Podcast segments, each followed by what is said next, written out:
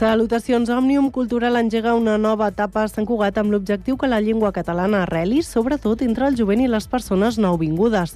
Ho ha dit en una entrevista la nova presidenta de l'entitat, Anna Rigol. Sentim-la. No ha de ser una llengua mm, estúpida o que creï una mica de, de, de, de recança perquè te l'hagin d'imposar. No, ha de ser una llengua atractiva, agradable, d'inclusió i vehicular. Rigol també apunta que l'amnistia és un primer pas per a la reconstrucció del moviment independentista i del país. La nova presidenta repassa com afronta aquesta etapa la nova Junta i comenta l'actualitat tant en clau local com nacional. Trobareu l'entrevista íntegra a www.cugat.cat. Sant Cugat dona el tret de sortida avui dijous al Carnaval i a set dies de festa i disbauxa. La plaça de Sant Pere serà l'epicentre d'inici de la festa avui a un quart de vuit i això donarà pas a dos quarts de vuit al Ball dels Estirats, que enguany, a causa de les retallades pressupostàries, no comptaran amb vestuari.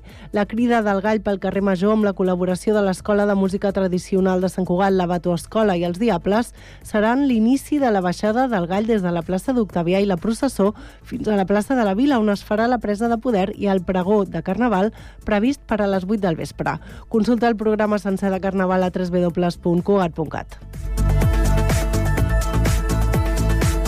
Junts per Sant Cugat ha presentat una moció en el ple de febrer per instar el govern espanyol a fer efectiu el traspàs integral de les competències d'immigració a la Generalitat de Catalunya i denunciar el volum de fluxos migratoris que reben els municipis catalans. En l'àmbit local, la moció també proposa l'establiment del concepte de drets i deures en les polítiques d'immigració a Sant Cugat. Entre els deures, Junts contempla l'aprenentatge i coneixement del català. Aquesta moció arriba en el context de la polèmica política per les preguntes de l'Observatori Sociològic.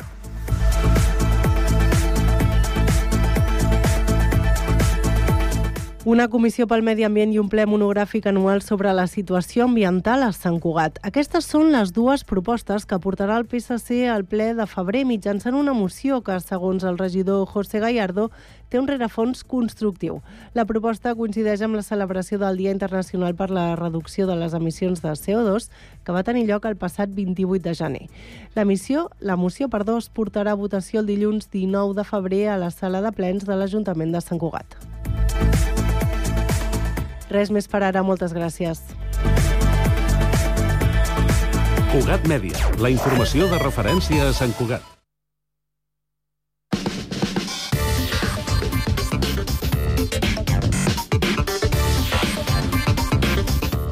Cinc de la tarda, 3 minuts, inici d'aquesta segona i última hora del Connectats de dijous. Amb la informació de Servei a Punt, comencem pel trànsit. Eduard Sánchez, bona tarda. Hola, bona tarda. Doncs, eh, de moment, en general, relativa tranquil·litat globalment a la xarxa viària.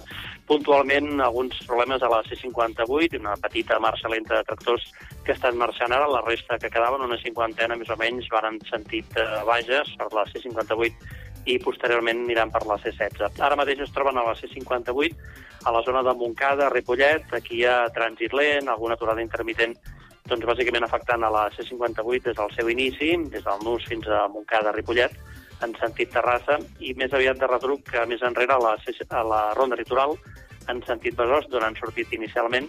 Aquí ha quedat l'entitud amb retencions entre el Fòrum i el Nus fins a enllaçar amb aquesta C58. A banda d'aquesta via, destaquem de forma puntual la ronda de dalt, a l'altura de Pedralbes, en sentit Besòs, aquí hi ha per volum de trànsit, i també pel que fa a incidències, a la C35 es dona pas alternatiu a l'altura de Sant Celoni per un arbre que ha caigut a la via, un arbre petit, que ja s'està acabant de retirar. És tot. Bona tarda. Gràcies i bona tarda, Eduard. Anem ara al Transmet. Allà ens espera Àlex Cubells. Bona tarda. Doncs informem que la línia Llobregat-Anoia, el servei de trens amb origen plaça Espanya, ja s'ha restablert després d'estar aturat a causa de l'averia d'un tren a l'estació de Gornal. S'espera una recuperació progressiva dels horaris i freqüències de pas al llarg del matí. I avisem també que ja s'ha normalitzat la circulació de les línies de busos interurbanes al seu pas per les vies d'accés i sortida de Barcelona, direcció Lleida i Tarragona, un cop finalitzades les marxes lentes de tractors. I de cara a demà, dia 9 de febrer, Renfe i Adif han convocat una jornada de vaga amb un 66% dels serveis mínims en hora punta i del 33% la resta de la jornada, fet que afectarà les freqüències i horaris de pas del servei.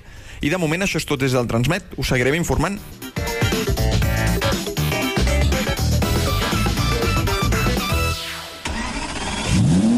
El Connectats del Dia Mundial de la Ràdio se'n va a Castellar del Vallès. Dimecres 14 de febrer, especial Connectats en directe, amb convidats radiofònics i música i públic en directe. Celebra el centenari de la ràdio amb nosaltres i segueix-nos per qualsevol de les emissores del Connectats. Ràdio Castellà, 90.1 de la FM. El Prat Ràdio, 91.6 de la FM. Ràdio Ciutat de Badalona, 94.4 de la FM. Ràdio Sabadell, 94.6 de la FM. Ràdio Municipal de Terrassa, el 95.2 de la FM. Ràdio Sant Cugat Cugat Mèdia, 91.5 FM. 4 i 3 minuts. Comença el Connectats del Dia Mundial de la Ràdio.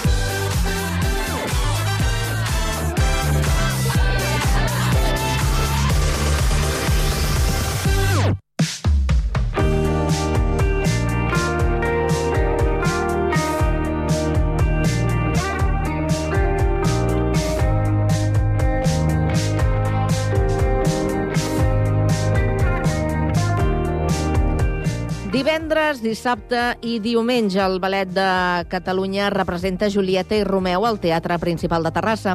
La cita ens toca de ple perquè la companyia està dirigida per un sabadellenc, l'Elias García, de reputadíssima trajectòria i que s'ha atrevit a entomar el repte en camp contrari. Pau Duran, bona tarda, com esteu? Bona tarda, doncs molt contents de poder gaudir de la seva companyia i a més perquè ens ha d'explicar coses que estan a punt, a punt, a punt de passar. Elías García, benvingut. Hola, buenas tardes a todos y gracias por la invitación.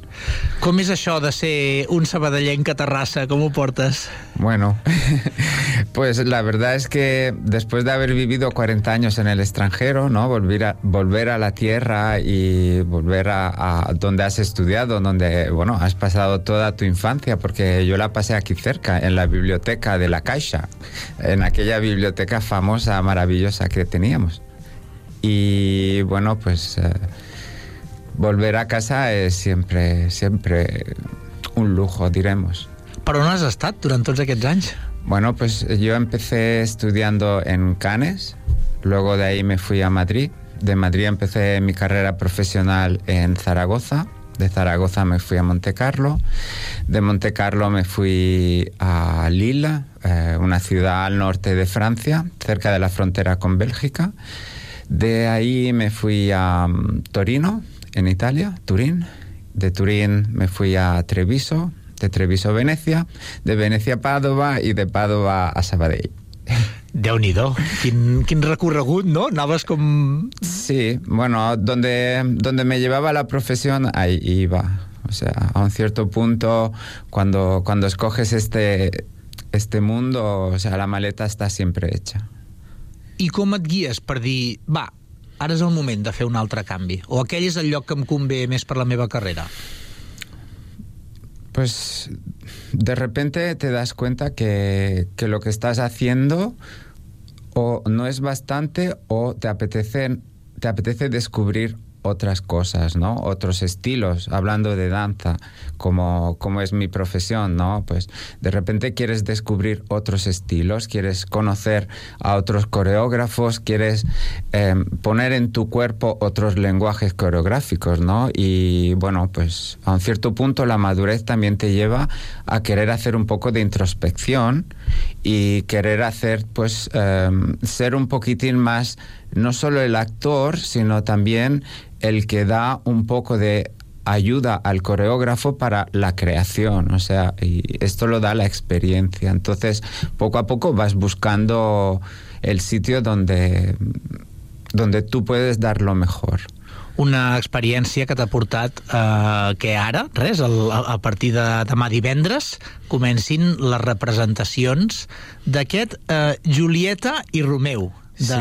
de Prokofiev. M'he fixat que li heu canviat l'ordre dels noms, oi? De com ho va composar ell? Sí, porque, o sea, des, antes de, de, de, hacer, de empezar este trabajo, ¿no? De, de, de la creación de, la, de Julieta y Romeo, que es algo que, bueno, yo como director del Ballet de Cataluña quiero siempre traerlo hacia la tierra, o sea, no está, no lo he llevado a Verona como normalmente se hace. He, mantenido los nombres, Romeo, Julieta, los apellidos no los utilizo, porque mm, a un cierto punto yo quería eh, traerlos aquí, a Cataluña, y que fuera una, una, historia nuestra, ¿no? Una historia de Cataluña con dos familias rivales, o sea, y me puse a buscar historias y mm, al final ninguna me convencía, ¿no? Como hizo Bernstein con, con uh, West Side Story, ¿no? Que es otro Romeo y Julieta a la americana. En, en el... Pues yo quería hacer algo aquí que fuera más... Uh, más de la tierra. Y bueno, poco a poco fui quitando todo lo que son detalles para que sea muchísimo más eh, absoluto como, como, como espectáculo. O sea, no darle tantos detalles de estoy en Cataluña, estoy en Barcelona, en Sabadell, sino que, es, que sea algo mucho más universal, como la historia ¿no? de, de, de Romeo y Julieta, o de Julieta y Romeo en mi caso. Y que es una historia de amor, o sea, reconocida en todo el mundo, ¿no? ¿Y por qué el cambio del nombre? Porque mm, entrando dentro de, de, la historia de Romeo y Julieta, Romeo es un personaje, bajo mi punto de vista, bajo mi punto de vista, pasivo. ¿Ah? Sí, sí, es... Es un, es un poco veleta, o sea, al inicio está enamorado de Rosalinda y no ve nada más. Su vida se acaba porque esta chica, Rosalinda, no le hace caso. Ella quiere ser monja, quiere, quiere retirarse al mundo espiritual y él pierde toda conciencia, ¿no? Y bueno, pero unas horas más tarde descubre Julieta y ahí le cambia todo. Y bueno, si, si, si, entramos un poquitín en la historia y vamos un poco adentrándonos, veremos que es Julieta la que lleva el hilo de la historia. Es ella la que decide hacer lo que hace. Y luego yo estoy impresionado porque si vamos al, momento donde se escribió uh, Shakespeare, escribe esta historia, o sea, es, para mí era la primera feminista de la historia. O sea, ¿por qué? Porque ella se revela contra lo más eh, importante en ese momento. Ella tiene 14, 15 años. Y se revela contra su familia, contra su padre. Su padre ha programado ya el matrimonio con Paris. Pero ella dice que no, ella no quiere. Y tiene a, su, a Tibaldo, su primo, que quiere absolutamente ese matrimonio. Porque les dará un mejor bienestar a toda la familia.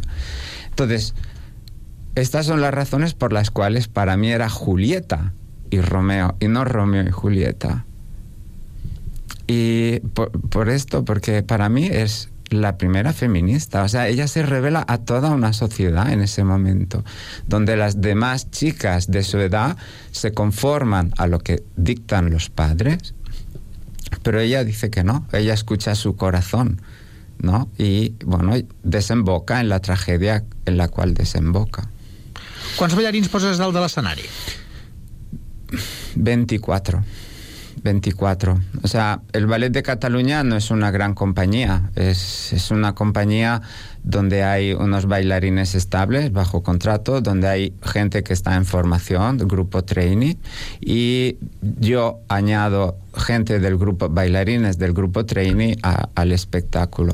Y ¿Qué, sucede? O sea, el, trabajar en una compañía así y abordar una producción como es este Julieta y Romeo es, es diremos, además de la búsqueda coreográfica de ideas, etcétera, es, diremos, una ópera un poco de ingeniería, ¿no? Porque, o sea, Romeo y Julieta, todo el mundo se lo piensa con una gran plaza, con todas estas luchas con espadas, etcétera, y yo, pues, como llamo siempre a la tierra, esta lucha de espadas se convierte en, una, en un baile de bastonets. ¡Toma! ¡Olé! Sí, sí, sí, sí. Y bueno, entonces, eh, o sea, mi, mi, mi objetivo es utilizar estos 24 bailarines y que la gente no se dé cuenta de que solo son, solamente hay 24.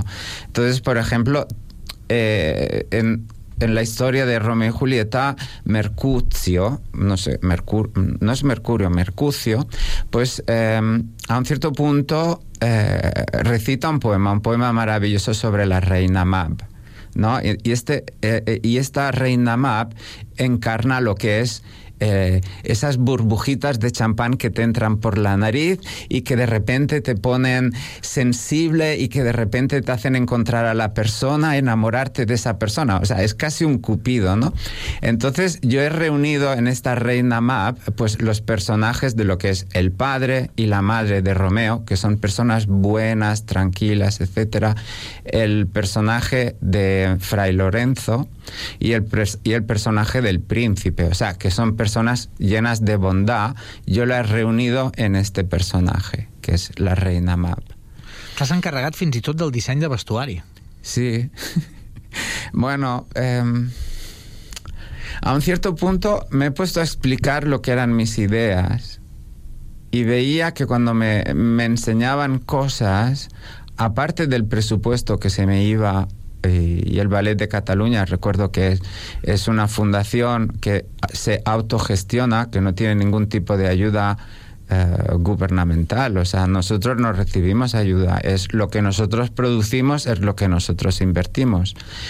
Y aparte de bueno de los de los bocetos que me estaban presentando se iba demasiado porque todo el mundo tenía en mente pues la eh, Verona el ambiente italiano o cuando yo hablaba de, de- situarlo en un lugar neutro no pues también ahí me había cosas que no me gustaban y de repente pues bueno pues para economizar un poquitín y para llevar a cabo mi idea pues eh, sí, eh, he diseñado un poquitín el vestuario. No es nada original, porque yo no, o sea, no es este mi, mi, mi, mi profesión, pero he intentado hacer solamente lo más sencillo posible, lo más funcional posible.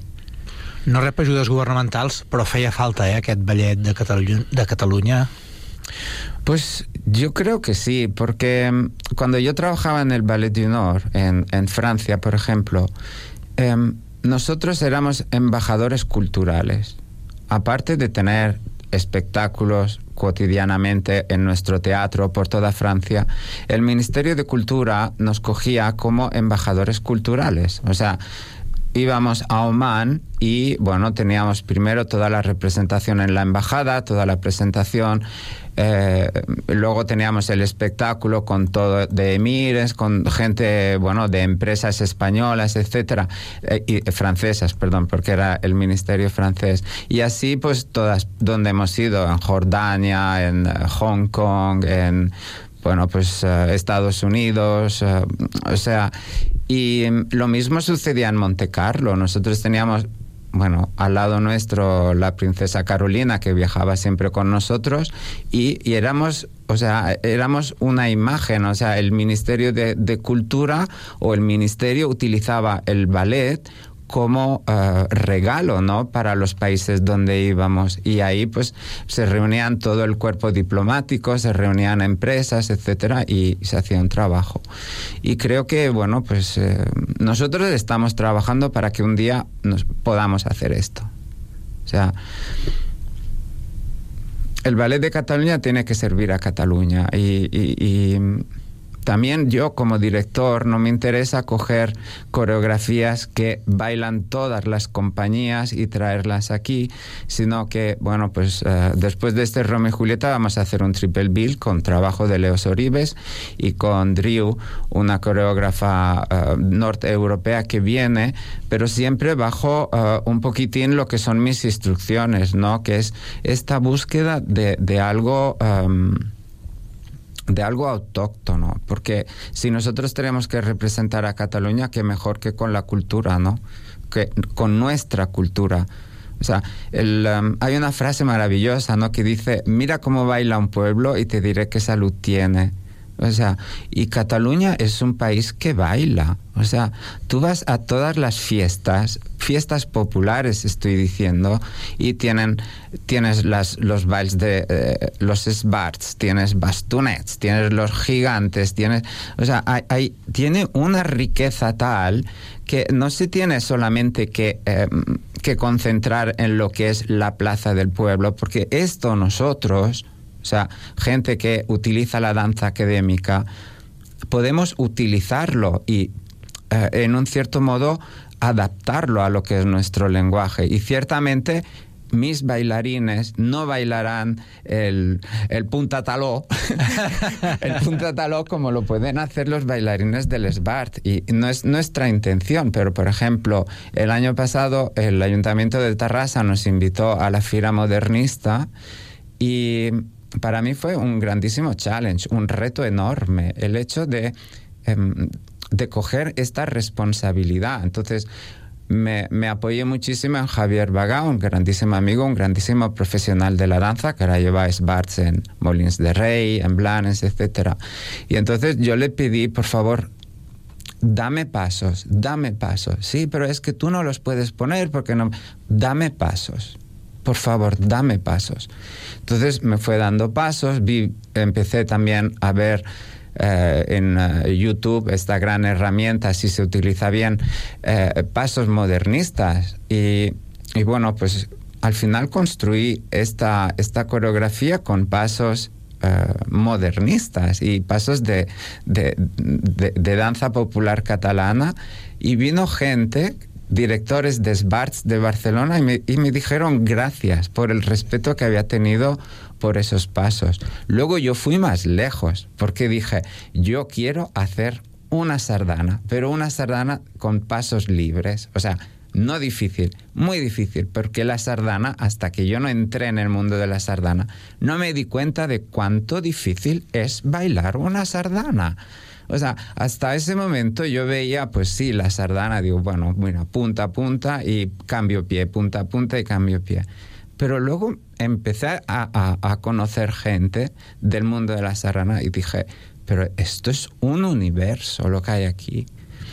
Entonces todavía fui más lejos porque dije, el final del espectáculo, quiero que todo el mundo del teatro, todo el teatro se levante y baile la sardana. Entonces llamé a Nuria, que es la, la presidenta de, del Grupo Sardanistas de Cataluña, y le dije, tú subirás conmigo al escenario, enseñaremos el paso, pondremos la sardana y todos bailaremos la sardana. O sigui que no us ho podeu perdre, eh? Julieta i Romeu. Elias, gràcies sí. per venir al Connectats. Gracias a vosotros y bueno, pues es la segunda vez, esperaré la tercera. Esperem que sí. Teniu cita divendres, doble dissabte, un altre diumenge, i si per aquelles coses dius, ai, és que això d'anar a Terrassa, no patiu, que se n'han de fer més, eh? Vic, etc etc. Vinga, va!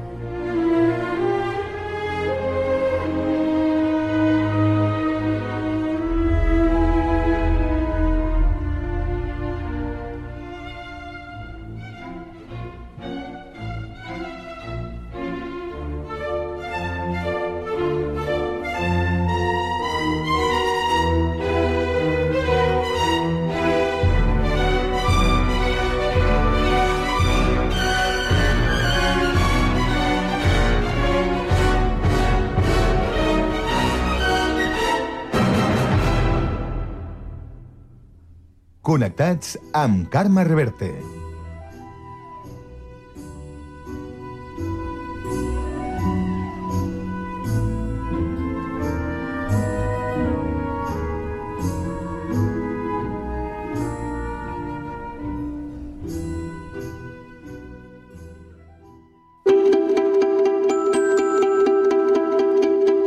Connecta't al patrimoni. Aquest podcast és una producció de Ràdio Ciutat de Badalona.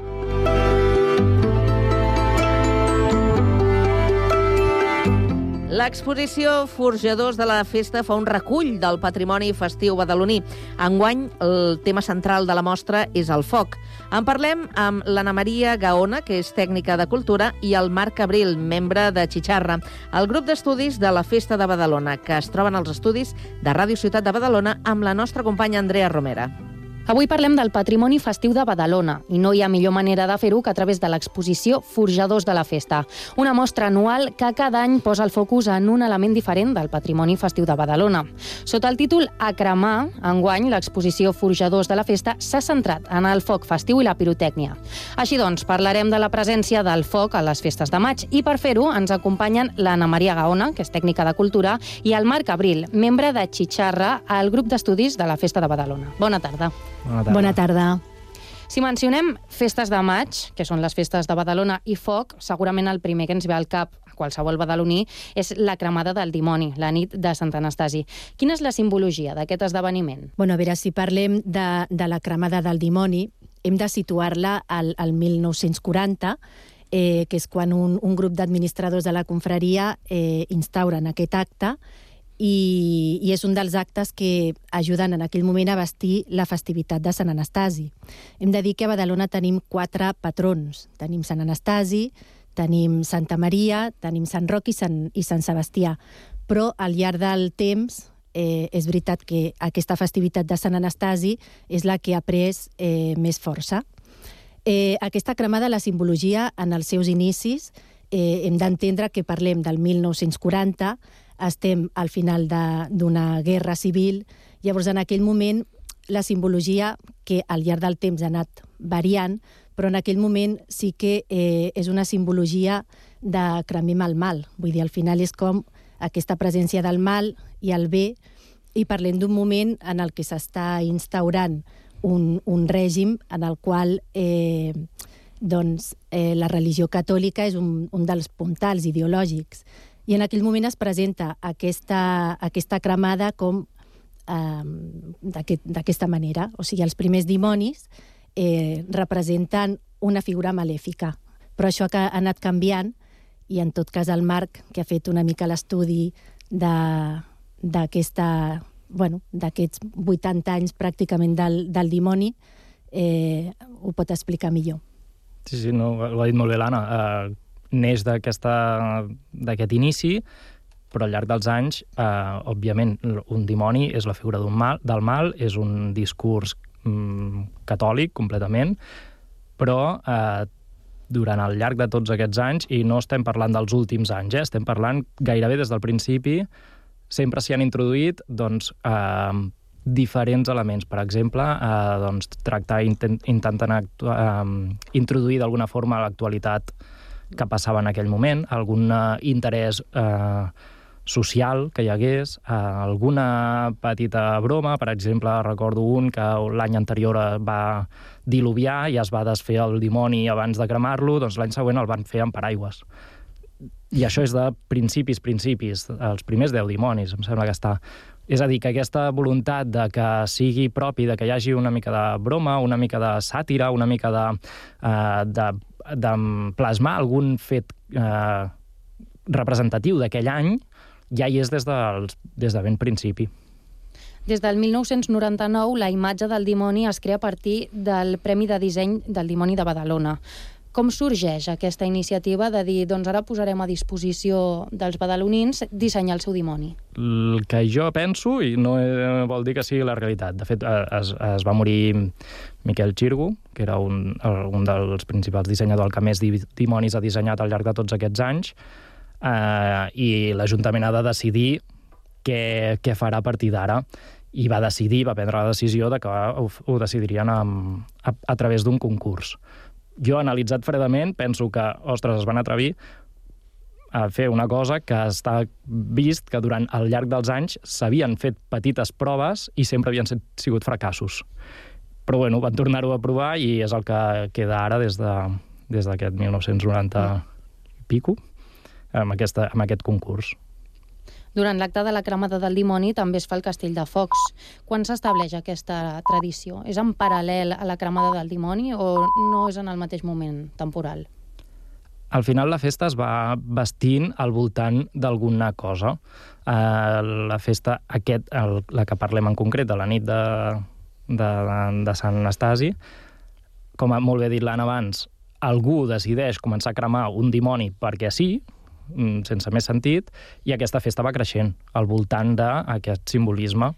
Òbviament, sense oblidar el dia 11, eh, que el dia 11 és el dia del patró. Uh... Igualment, el, el, o sigui, el, els primers dimonis que es cremen era la cremada del dimoni i també hi havia una pirotècnia. Era la cremada del dimoni amb pirotècnia. Després d'això, amb el temps... Més endavant. Exacte. Els primers, jo crec que ni, ni pirotècnia. Només encendre-li sí. foc. Primers, primers, eh? Sí. Després, castells, uh, focs, focs, però hem d'entendre un castell de focs a l'antiga, que uh, és Sí. molt més foc uh, a peu de terra. No sé si algú recordarà, algú més gran, que a la platja mateix s'encenien uh, cartells lluminosos amb, amb pirotècnia a terra, alguna roda... Doncs això, més pirotècnia d'aquesta, era el que era el castell de focs a l'antiga. I més endavant, fa els últims anys, s'hi ha afegit la música com a piromusical, que ha estat una evolució que a, a tot el territori català hi ha hagut aquesta evolució sí. dels, dels castells de focs cap a piromusicals.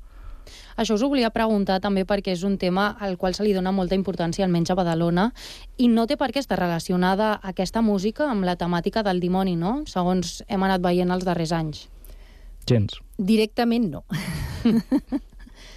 Directament no. És a dir, el tema de, del, del piromusical també mm, jo crec que fa com uns 20 anys que es posa música i, i clar, una relació directa, directa eh, és més es busca més eh, mm, bueno, a l'hora de triar les músiques eh, que tingui, sí, que tingui relació, però més aviat amb, amb el moment eh, no amb el lema del dimoni, sinó amb el moment actual. Però realment no hi ha un criteri molt, molt clar. Com es tria aquesta música? El dimoni hem dit que es tria el disseny a través d'un concurs, però la música com, com es fa? Bueno, es fa... Eh, és una decisió tècnica amb, amb l'empresa de pirotècnia i, i ja dic, no, no és que hi hagi un criteri, una forma... Mm, és, és criteri tècnic entre l'equip del Servei de Cultura més eh, el pirotècnic. I tenint en compte el que dèiem, aquests criteris de, mm, bueno, eh, temes que per alguna raó, per algun motiu, es decideix aquest any que, que, que poden interessar o poden agradar més o que tenen algun, algun contingut conceptual que, que, que té que veure amb, amb, bueno, que és interessant en aquell moment. Jo poso des, de, perdó, des del punt de vista crític, des de la part de l'estudi de la festa, així com es contracta un castell de focs i no es mm, qüestiona si es tirarà un foc blanc o vermell o verd, des d'aquí no es dona llibertat tampoc a les empreses perquè creïn l'espectacle que el, el professional cregui convenient. Llavors, penso que també això ha de, ha de, uh, s'ha vist repercutit en la qualitat del, del piromusical. Si realment es vol apostar per música vinculada amb el foc, s'ha de donar llibertat a que el professional pugui fer aquest espectacle quadrat. Si se li imposen o se li donen els inputs de s'han de seleccionar, han de sortir aquestes vuit cançons sí o sí. Al final no hi ha gaire marge de maniobra. El criteri és, és conjunt. Sí, sí. Si parlem de foc, no podem oblidar el correfoc de les festes de maig. I té una història ben curiosa, aquest correfoc, perquè, tot i que actualment a Badalona hi ha més d'una colla de diables, quan va començar a fer-se aquest correfoc no el feia cap colla badalonina, més que res perquè no, no existia en aquell moment. Eh, Explica'ns una mica aquesta anècdota. Com, com va passar i com la colla de diables de Badalona va assumir el correfoc? Doncs eh, no ho sabem ben bé qui va decidir contractar que es fes aquí un, un correfoc. Mm, va ser decisió mm, tècnica de la- de l'Ajuntament del moment eh, i està molt vinculat amb quan es va crear l'acte Correfoc, que va ser a finals dels 70, principis dels 80, a Barcelona. És un espectacle configurat per, una, per un grup de gent i per una empresa de teatre que va agafar un model d'un ball de diables tradicional i va aportar-li aquesta dinàmica de juga contra el foc, contra el, el, el públic. Persegueix el públic, per tant, corre, corre, que ve el foc, corre foc. Mm. I eh, els, prim, els primers anys es va decidir que aquí a Badalona també, com a Barcelona, havíem de fer un, un espectacle així. I es va decidir fer això, que no se n'hi va dir Correfoc, sinó Cercavila de bruixes i diables, em sembla, i es va eh, convidar a colles de, de fora de Badalona, òbviament. Es va contractar un parell de colles de Badalona, tot i que hi havia participació de joves badalonins disfressats d'alguna forma de, com a bruixes, com a personatges així fantàstics, i a partir del 83 l'any 83 es funda mm, el Drac Trempat, la colla del Drac Trempat, que són els cares on Badalona Bèsties de Foc, i el Ball de Diables de Badalona, i aquests dos ja eh, surten aquell maig en el Correfoc de l'any 83. I a partir de no sé ben bé quin any, eh, Badalona, eh, el Ball de Diables de Badalona és qui, eh, qui entoma el relleu de, de, de coordinar la, aquest acte. Quantes colles de diables hi ha actualment a Badalona? Actualment, quatre. I de dracs, una colla de bestiari, tot i que tenen més bestiari que moltes colles de molts, molts valls. Normalment cada, cada colla de bestiari acostuma a tenir un drac, aquí en tenim uns quants. Justament et volia preguntar per això, per les bèsties de foc, perquè en tenim unes quantes. Les sabries dir així de memòria? Totes, potser me'n deixo alguna. el primer, el més petit de tots, que va néixer al principi inclús de la colla, abans de la colla, el drac trempat, que eh, el van reestrenar l'any passat, la trempada, eh, després eh, el, molt, el, el drac de Can Sofre, que va ser d'una altra colla i que el van adoptar quan va dissoldre's aquella colla, el, Fumera. el Fumera, que és el drac, aquest sí, el Don Fumera, que és el drac de la ciutat, els dragolins, que són una versió similar en petit, ens deixem el Baldufa, que ara ja no acostuma a sortir tant, el Ferragot, que el tenen una mica abandonat, i les masses. I no sé si me n'he deixat algun. Hi ha algun motiu pel qual tinguem tantes bèsties? En general han, han anat naixent per substituir uh, un drac anterior perquè tècnicament els primers dracs els van fer amb gent amateur i que no eren professionals de construcció i eren difícils de portar. Llavors van intentar fer nous dracs per anar substituint els anteriors, però algun no s'ha arribat a substituir, llavors eh, han continuat traient més d'un. I del, per altra banda, el creixement sobretot dels dragolins, les masses, era perquè la gent que va començar, que era un grup de joves, van començar a tenir fills, eh, i aquests nens eh, i nenes havien de fer alguna cosa i un d'ells jo. Eh, eh, I es van anar buscant la manera de què podien fer dins de la colla. I una de les coses que van trobar, per exemple, els dragolins, que és molt encertat i, de fet, s'ha copiat a, a fora de, de Badalona. A l'hora que es feien grans les famílies, doncs s'anaven fent grans també les famílies de bèsties, no? Així com en paral·lel. Sí, més o menys. Doncs moltes gràcies per apropar-nos una part del patrimoni festiu badaloní, en aquest cas tot aquell que està relacionat amb el foc. Ha estat un plaer parlar amb vosaltres. Igualment. I recordem sí. que per saber-ne més dels elements que hem comentat es pot visitar l'exposició Forjadors de la Festa a cremar a la sala Josep Uclés fins al 31 de maig. I aprofitem també per dir que hi ha la, a la web de Festes de Mat hi ha un apartat del web que és Pedagogia de la Festa on expliquem tota, tots els elements festius, el, els entremesos, d'una manera molt pedagògica. Doncs aquí queda dit. Moltes gràcies molt als dos per venir i molt bona tarda. Moltes gràcies. gràcies.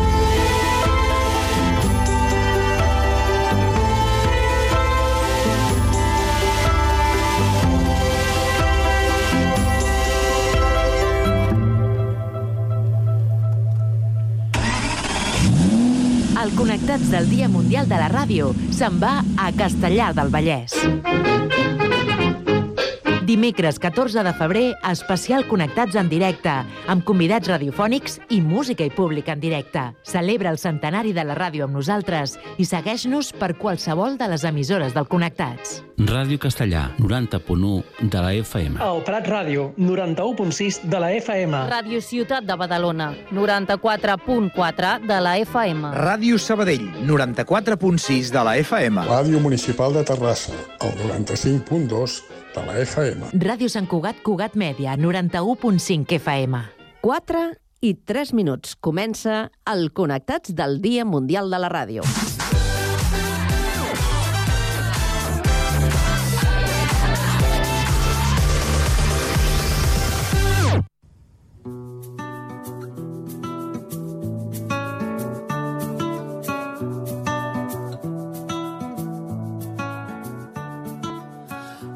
Hola, molt bones, sóc l'Almo Malvenda i vinc a recomanar-vos un llibre que es titula Antes de la tormenta, los orígenes de las ideas radicales, de Gal Beckerman, que ens explica el per què algunes idees radicals passen a la història i d'altres fracassen.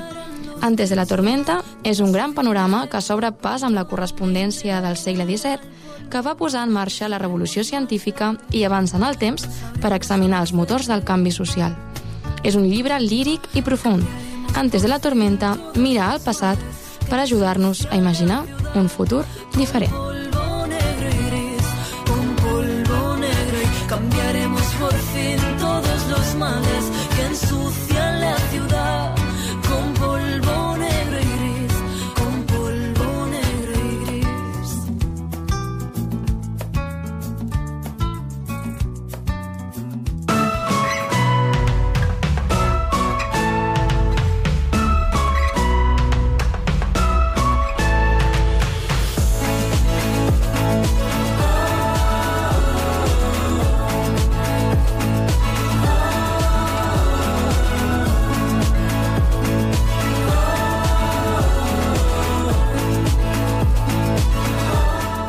Aquest diumenge 11 de febrer, l'Hotel Tower Badalona es convertirà en l'escenari d'un tardeo de Carnaval a partir de les 6 de la tarda.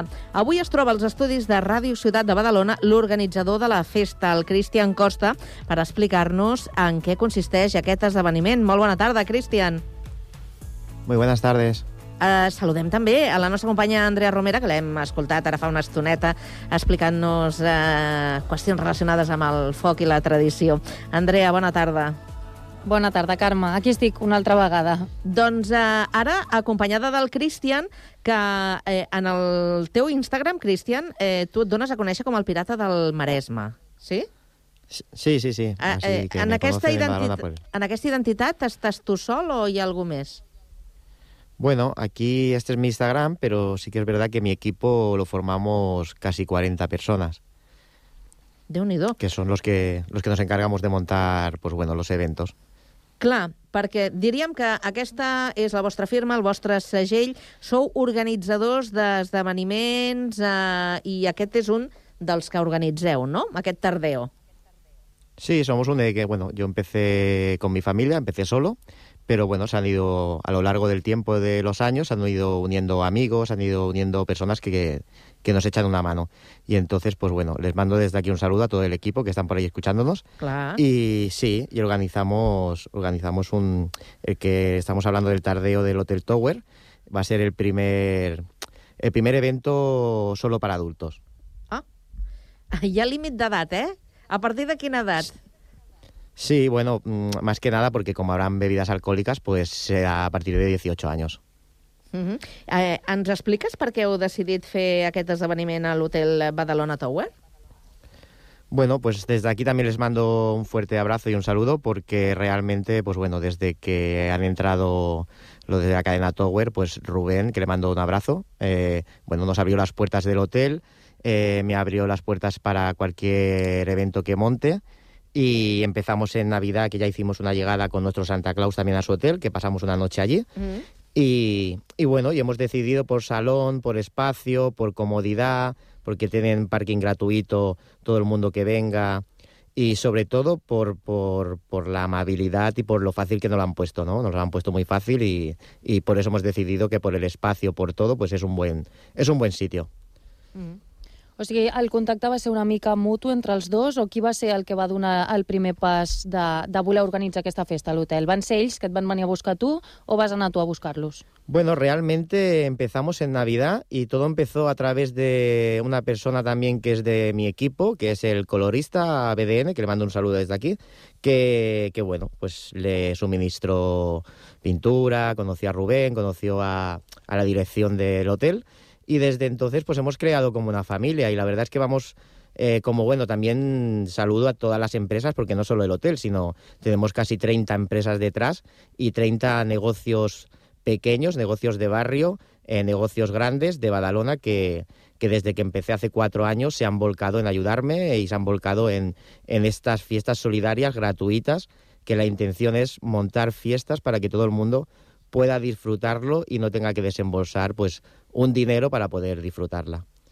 Tal com comentes, no és l'única festa que organitzes, també has organitzat i n'organitzes d'altres, i justament aquest cap de setmana de Carnestoltes també organitzes la festa que hi ha el dia anterior, dissabte, a Montigalà. Com, com serà aquesta festa i quina és la principal diferència entre aquesta que es farà dissabte i la de diumenge a l'hotel? Pues sí, también eh, aprovechar también porque es uno de los primeros eh, colaboradores que tuvimos y el Centro Comercial Montigalá igual, también hace tiempo, hace años ya, que me abrió sus puertas y me lo puso todo súper fácil y nos ayudaron a todo. Y el sábado montamos también una fiesta que la diferencia es que desde siempre hemos montado fiestas para para más público infantil, ¿no? Yo empecé con lo de la Casa Santa Claus, la Casa Viral de Badalona, de Santa Claus, hace cuatro años, y siempre han sido eventos para niños. Entonces, la de Montigala, la Montigala es como siempre hacemos, es la de siempre, la de cada año, la típica, y es la de carnaval, concurso de disfraces para toda la familia, eh, con tres categorías, adulto, infantil y grupal, y con tres premios por categoría, premios también eh, que son dados por empresas y por colaboradores también que colaboran con mi marca. Avui, però, parlem d'aquesta festa a l'hotel Badalona Tower, que és la novetat i la, la, la que ens té aquí no, a l'entrevista. És una festa per adults, has comentat. Explica'ns una mica quines activitats es faran durant la festa. Bueno, pues comenzaremos con un poquito de bienvenida eh, y tendremos, pues tendremos tres jockeys invitados que irán, irán cambiándose durante, durante la tarde-noche. Eh, luego a las siete, siete y media tenemos M&M Bachata, que, es, que son dos, un chico y una chica también, que les mando un saludo porque se han unido para hacer una clase de bachata y animar un poquito durante una hora, media horita, una hora, algo de bachata, para que descansen también por los DJs y tal. Y luego tenemos un catering eh, gracias también a, los negocios que, tenemos también que colaboran como Pertuco y Nem de Badalona que nos ofrece un catering, Cambayó también nos ofrece otro catering, Fontisi, vaya, varias marcas que tengo en mi Instagram que colaboran y sobre todo darle las gracias a todos, a Delicia Meridays que también lleva mucho tiempo, que también traerá un pastel, unos dulces para todo el mundo, gratuito y, y todo el catering, todo sea gratuito, lo único que, que, se abonarán serán las, las consumiciones de las bebidas, ¿no? Pero por todo lo demás, pues són todo col·laboracions. Aquesta classe de batxata que has comentat m'interessa molt. És apta per tots els públics o, o hem de saber ballar una miqueta per anar-hi? No, no, no, al revés. Comenzarán, comenzarán con media horita de, de, de, de unas clases y comenzarán con media horita para enseñar un poquito a todo el mundo que está allí que quiera empezar a bailar bachata. Y luego haremos media hora de baile con ellos, ¿no? Un poquito de... con lo que... Eh, haya dado tiempo a aprender, pues comenzaremos a, a, a, bailar. Pero bueno, y también decir que también habrá un, un concurso de disfraces con un fotocall que tenemos allí. Y habrá un jurado que durante la fiesta irá viendo la gente que llega ahí disfrazada. Y hay unos premios, como por ejemplo el hotel ha puesto un premio de una noche en la suite con, con cena para dos, que, que, es el primer premio, pero hay, hay tres premios. Luego haremos sorteos también durante toda la noche de, bueno, daremos unos tickets con cada bebida, con cada consumición.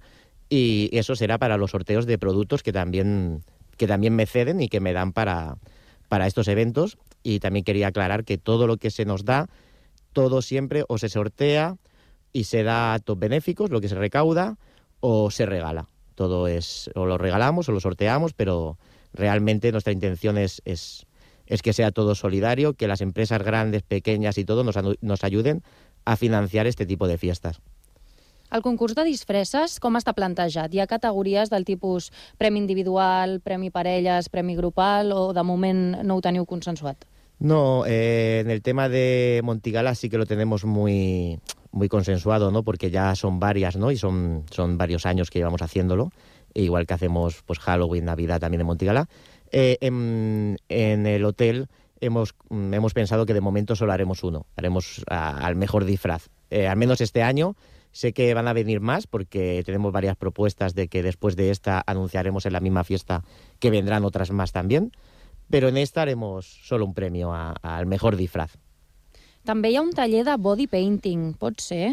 Sí, tenemos una chica que es Ana, Ana Bodicambas, que dentro de poquito también la podremos ver, eh, que va a hacer, más que taller, va a hacer una demostración y va a, a ir maquillando a todo el que llegue y no venga disfrazado y se quiera maquillar. Pues entonces ella estará allí, que en todos los eventos colabora con nosotros, es parte de las 40 personas, y en todos los eventos ella siempre está maquillando a, a todos los niños gratuitamente y ya la conocen nuestros seguidores y aparte para mí es una de las mejores que, que te puedes encontrar y, y es una pasada y lo podréis ver y los que vengáis al hotel podréis disfrutarlo y maquillaros.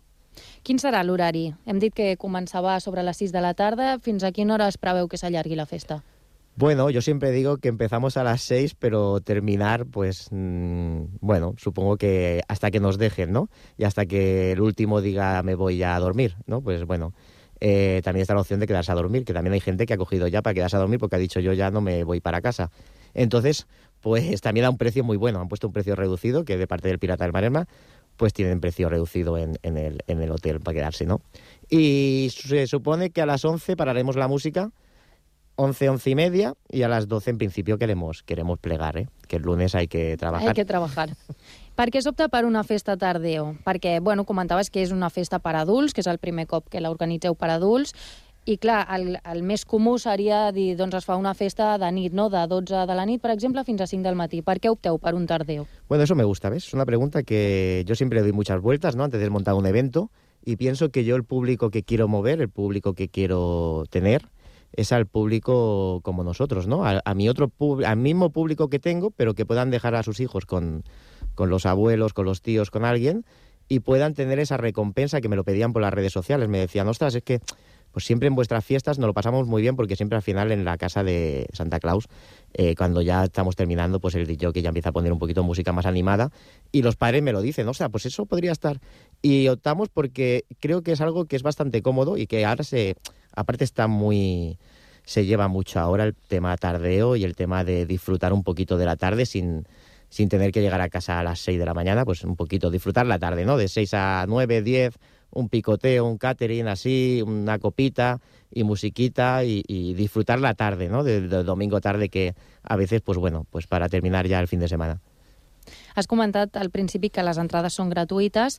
Com funciona el tema de les entrades? S'han de demanar amb antelació o és simplement eh, presentar-se allà a l'hotel? Bueno, eh, hicimos primero un poquito de que se fueran apuntando, que llamaran al hotel para saber el tema del aforo, ¿no? Porque eh, no sé qué nos pasa, que me alegro, ¿no? Pero porque en cada evento que montamos al final acaban siendo pues muchísima gente. Entonces, pues un poquito por el miedo así de que no llegaran y no pudiésemos atender a todo el mundo, pedíamos esto, ¿no? Sí que es verdad que ya tenemos muchos inscritos, que aún, queda aún quedan plazas, pero bueno, siempre pedimos que por las redes sociales, pues en, eh, en mi Instagram o en el teléfono del hotel también podéis tener, podéis llamar y reservar en el hotel, podéis llamar allí a recepción, decir que venís a la fiesta de, de carnaval y ya está, y decir pues somos cinco, seis, siete y, y coger un poquito por saber más que nada el aforo y decir que bueno, que luego es muy cómodo porque llegáis, tenéis el parking y subís a la fiesta.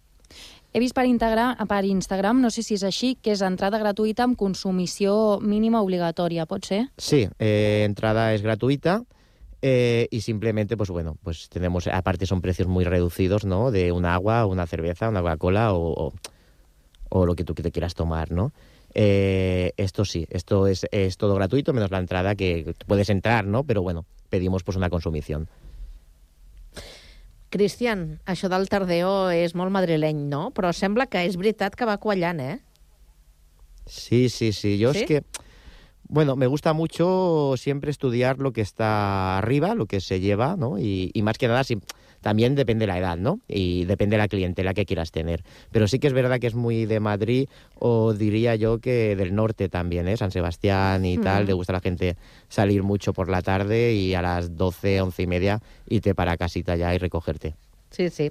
Escolta'm una cosa, jo perquè desconec, eh, no, no conec a l'Hotel Tower Badalona, la celebració, aquesta festa, aquest tardeo, es farà a, a l'interior o en una mena de terrassa?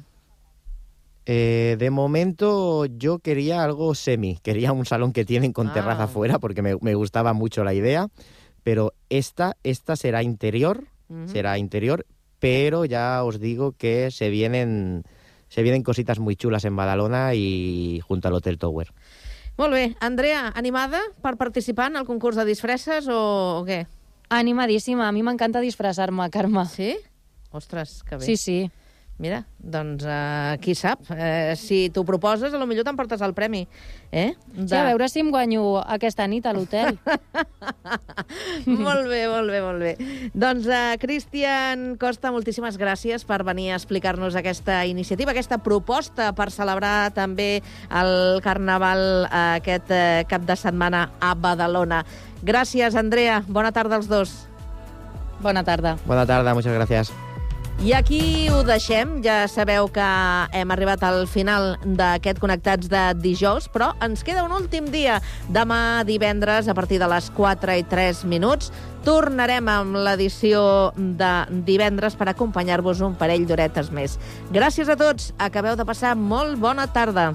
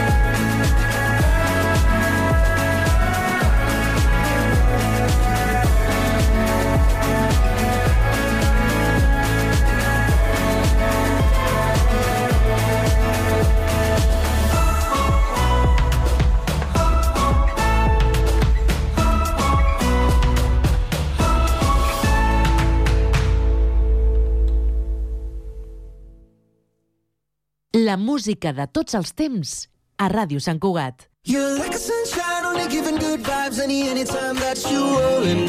Pulling me out, never letting me down, and I wanna make sure you know it.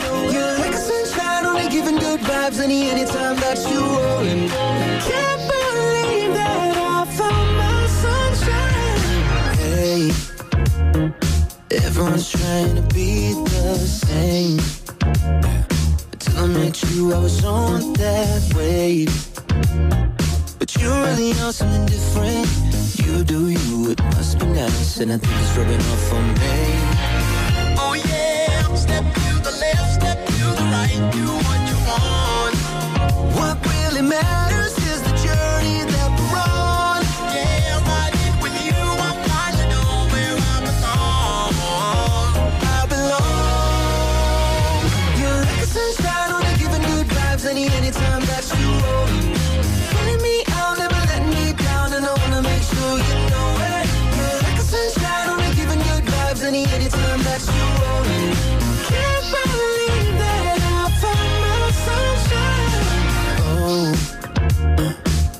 Feeling so invisible. I didn't know this could be possible. Alright, but you really know something different. You do you, just work it out. And I think it's rubbing off on me.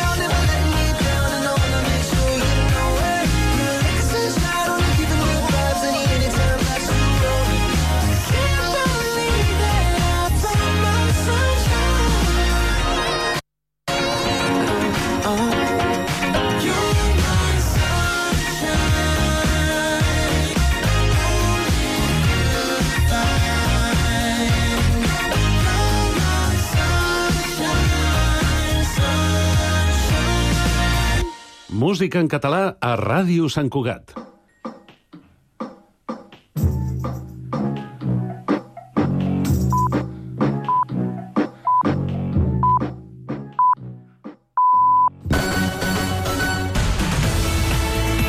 Ràdio Sant Cugat.